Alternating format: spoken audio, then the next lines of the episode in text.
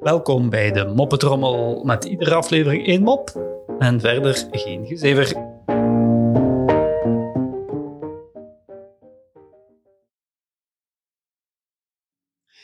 De jongen gaat naar de pastoor en biecht op dat hij een zonde heeft begaan. De pastoor vraagt hem om te vertellen wat er precies gebeurd is. De jongen zegt, nou, ik heb een meisje mee naar huis genomen.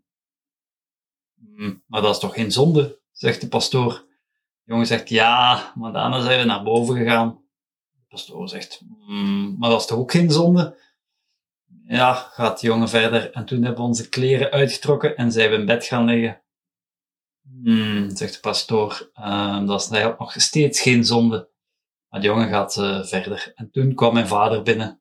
Want de pastoor zegt, ach, dat is zonde.